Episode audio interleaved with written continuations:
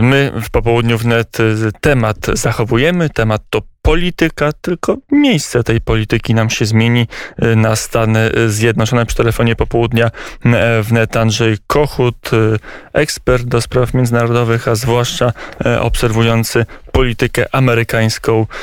Klub Jagielloński. Dzień dobry panie redaktorze. Dzień dobry, witam serdecznie. No dobrze, to mamy już pewność, że Joe Biden jest prezydentem Stanów Zjednoczonych, czy jeszcze powinna się w nas tlić, w tych, którzy oczywiście kibicowali Donaldowi Trumpowi, nadzieja, że to jeszcze nie wszystko jest e, zamknięte?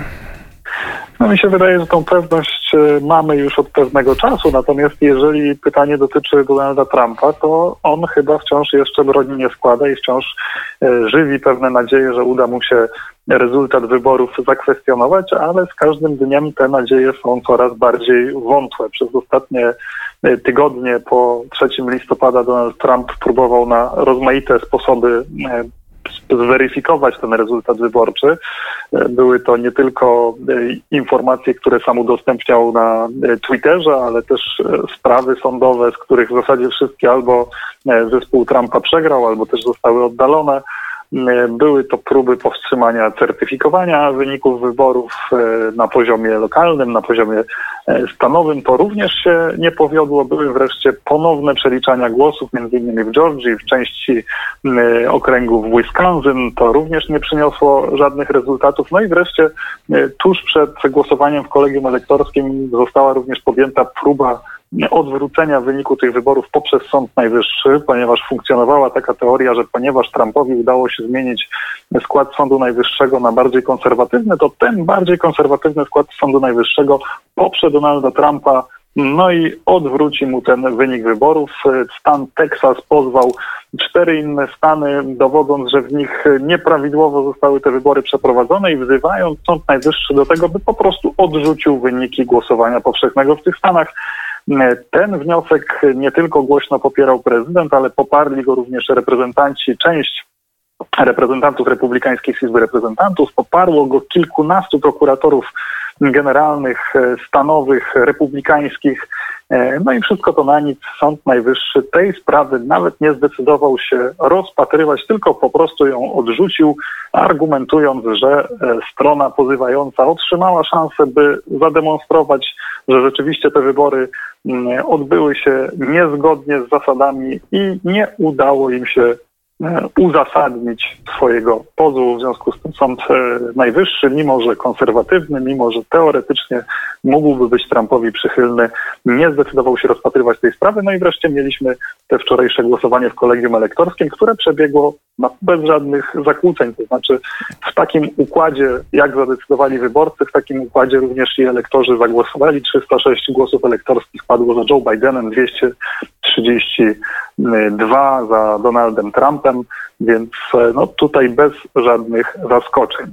Natomiast każdy, Trump... każdy dyrektor głosował dokładnie tak, jak jego wyborcy e, chcieli. Nikt się nie wyłamał ani w jedną, ani w drugą stronę, więc zaskoczeń żadnych. A tutaj no tyle przerwałem, bo mamy stanowisko głowy państwa polskiej głowy państwa Andrzej Duda wysłał e, list gratulacyjny do e, prezydenta elekta. E, to już jest ten moment, kiedy Joe Biden formalnie staje się prezydentem elektem, czy trzeba by z tym poczekać, żeby być tak już bardzo, bardzo, bardzo zgodnym z przepisami prawa do momentu, kiedy kongres zatwierdzi to głosowanie? No takie kurtuazyjne nazywanie Joe Bidena prezydentem elektem w zasadzie było właściwe już od momentu, kiedy został opublikowany wynik tego głosowania powszechnego i tak zazwyczaj się przyjmowało. Te gratulacje od głów państw e, spływały w zasadzie od początku, kiedy te rezultaty wyborów zostały opublikowane, nieliczni przywódcy się wstrzymywali. Niektórzy, tak jak prezydent Duda, gratulowali, ale bardzo ostrożnie. Teraz już chyba bez tej ostrożności, o ile udało mi się przejrzeć ten list, który do e, Joe Bidena skierował prezydent Duda. E, no i nawet tak wydawałoby się niechętny nowemu demokratycznemu prezydentowi przywódca jak Władimir Putin zdecydował się na oficjalne już gratulacje, więc wydaje się, że naprawdę już nikt się z gratulacjami wobec, no chyba możemy już śmiało mówić 46 prezydenta Stanów Zjednoczonych nie, nie ociąga. To jeszcze wyjaśnimy wszystkie te wątpliwości.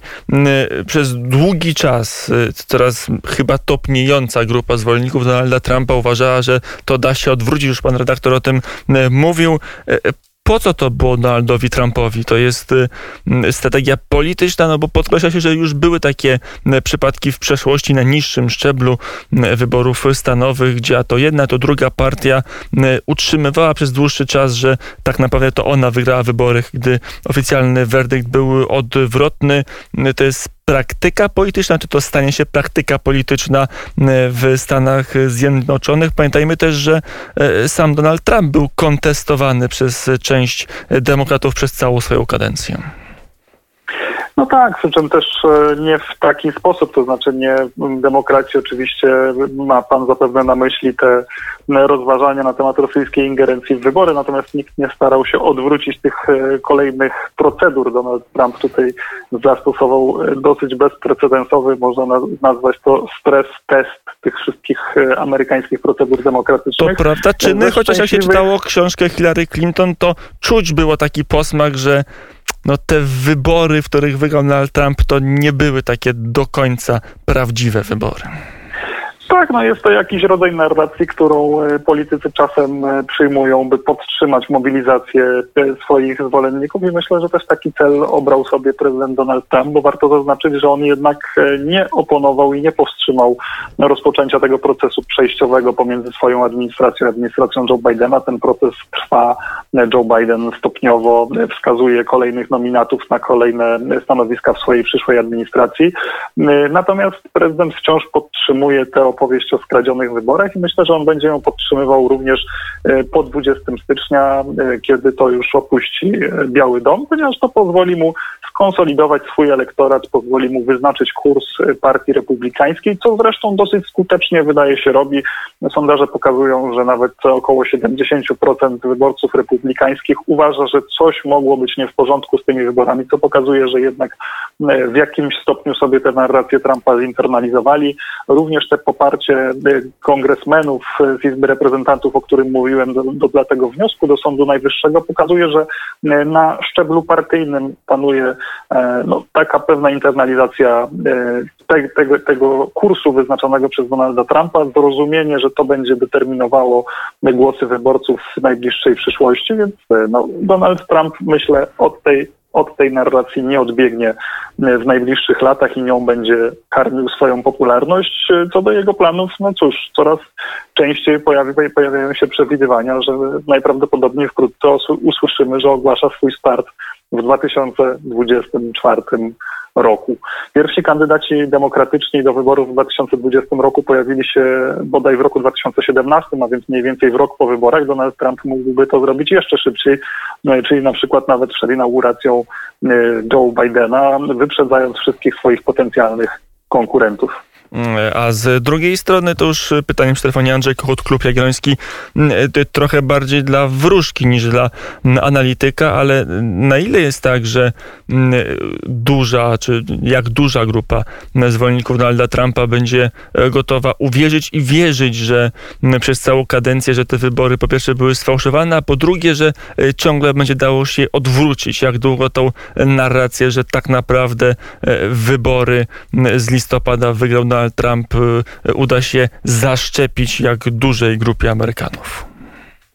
No jeżeli chodzi o taką wiarę, czy wybory, czy wynik wyborów da się jeszcze odwrócić, to myślę, że po 6 stycznia już naprawdę nie pozostaną żadne sensowne argumenty za tym, że ten wynik mógłby być inny. Z 6 stycznia jeszcze jakąś tam nadzieję część przynajmniej republikanów wiąże, że wtedy być może uda się w kongresie podczas oficjalnego zatwierdzania głosów elektorskich w, jakiś, w jakimś stopniu te głosy zakwestionować. To się najprawdopodobniej nie uda, ale taki scenariusz gdzieś tam jeszcze w części obozu republikańskiego żyje. Natomiast jeżeli chodzi o wiarę w sfałszowane, czy też nieprawidłowe, no bo tu pewnie też różne są te wersje, które, które ludzie przyjęli, ona będzie się w jakimś stopniu utrzymywała. To te sondaże, o których wspominałem, te 70 około procent wyborców partii republikańskiej, która wierzy Donaldowi Trumpowi w tym punkcie, to jednak pokazuje, że i ta narracja jest silna i poparcie dla samego Donalda Trumpa jest wyjątkowo silne ci wyborcy zapewne pogodzą się z tym, że państwem rządzi Joe Biden, ale gdzieś w głębi serca będą żywić przekonanie, że jest to niesprawiedliwe i niezgodne e, z wyrokami demokracji, choć w rzeczywistości wydaje się, że jest wręcz przeciwnie. I to będzie pomagało Donaldowi Trumpowi mobilizować ich do jeszcze większego zaangażowania przed e, następnymi wyborami, oczywiście zakładając, że w tych wyborach wystartuje, ponieważ będzie mógł karmić ich nie tylko opowieścią o politycznym starciu, jakim zazwyczaj są wybory, ale o takiej, powiedzielibyśmy, bitwie dobra ze złem, w której należy odbić państwo z rąk e, polityka, który uzurpuje sobie jedynie prawo do rządzenia współobywatelem. Mm, no to na koniec e, trzeba pytanie zadać o to, co czeka partię republikańską. Mamy tą, te przewidywane e, wystartowanie Donalda Trumpa w następnych wyborach prezydenckich. Mamy ten istotny element elektoratu, który wierzy, e, że te wybory zostały sfałszowane w różnym stopniu oczywiście, ale wierzy, że tak było. Co to oznacza dla partii republikańskiej? Na ile to oznacza jej pewną trumpizację i na ile ta trumpizacja może zaszkodzić republikanom w kolejnych relacjach? Lekcjach? Ja myślę, że ta trumpizacja już jest e, faktem, jeżeli nawet Donald Trump nie wystartuje w następnych wyborach, choć patrząc na jego dotychczasowe postępowanie, myślę, że sobie tego nie odmówi i jednak w 2024 ponownie zobaczymy go w wyścigu. Jego wpływ tak czy siak na partię republikańską będzie przemożny i przez te najbliższe cztery lata wszelkie komentarze Donalda Trumpa w bazowym elektoracie republikanów będą się rozchodzić szerokim echem i w związku z tym cała reszta partii będzie podążać tym kursem, który Donald Trump wyznaczy. To zresztą pokazuje ta historia ze sfałszowanymi wyborami, kiedy Donald Trump rozpoczynał te narracje, kiedy tuż po wyborach zaczął mówić o tym, że wybory ukradziono, sfałszowano, było mnóstwo nieprawidłowości, znaczna część republikanów nabierała wody w usta i oprócz tych najtwardszych zwolenników Trumpa niewielu chciało się pod tym podpisać, ale widzimy, że stopniowo ten opór topnieje i coraz większa liczba, czy to właśnie kongresmenów, czy już też i senatorów, zaczyna się godzić z tym, że trzeba grać w tę grę na zasadach, które ustalił Donald Trump, bo inaczej może się to odbić negatywnie na ich wynikach wyborczych.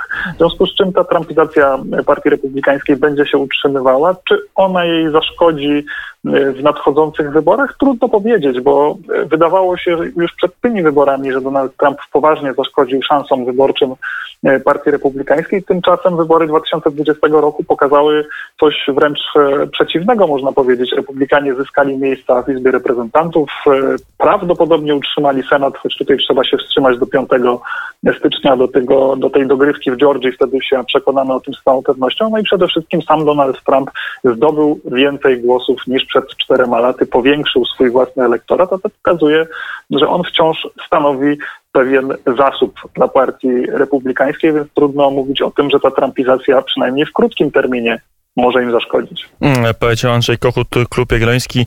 E, dziękuję bardzo za rozmowę. Ja również dziękuję. E, I do usłyszenia.